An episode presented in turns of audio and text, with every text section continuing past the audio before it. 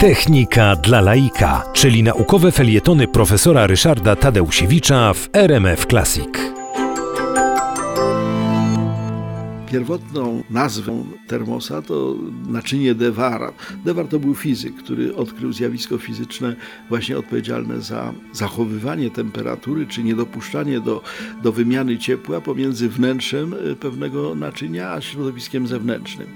Y, Dewar wymyślił rzecz bardzo prostą i jak się okazało niezwykle skuteczną.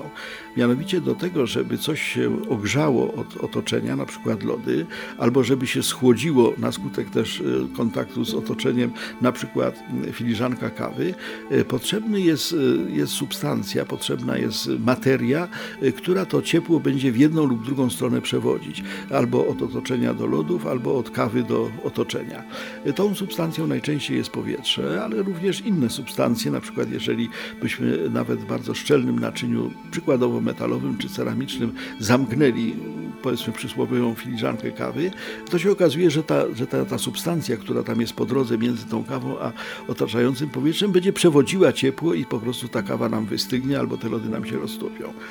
Natomiast y, mm, Dewar wymyślił coś takiego, że jak substancji po drodze nie będzie, to tej wymiany ciepła być nie powinno. I wobec tego zbudował naczynie, e, w którym e, pomiędzy wnętrzem a zewnętrzem jest próżnia. Próżnia, czyli brak jakiegokolwiek e, no, ciała mechanicznego. Okazało się, że takie naczynie dwuścienne, gdzie pomiędzy ściankami wewnętrznymi i zewnętrznymi jest próżnia, doskonale izoluje. I rzeczywiście naczynia Dewara pierwotnie były używane do e, przechowywania na przykład płynnego tlenu, czy, e, czy, czy jakichś tam e, substancji, które były albo bardzo gorące, albo bardzo zimne. Natomiast zeszło to do, do, do kuchni dosłownie, prawda, używamy tego na co dzień.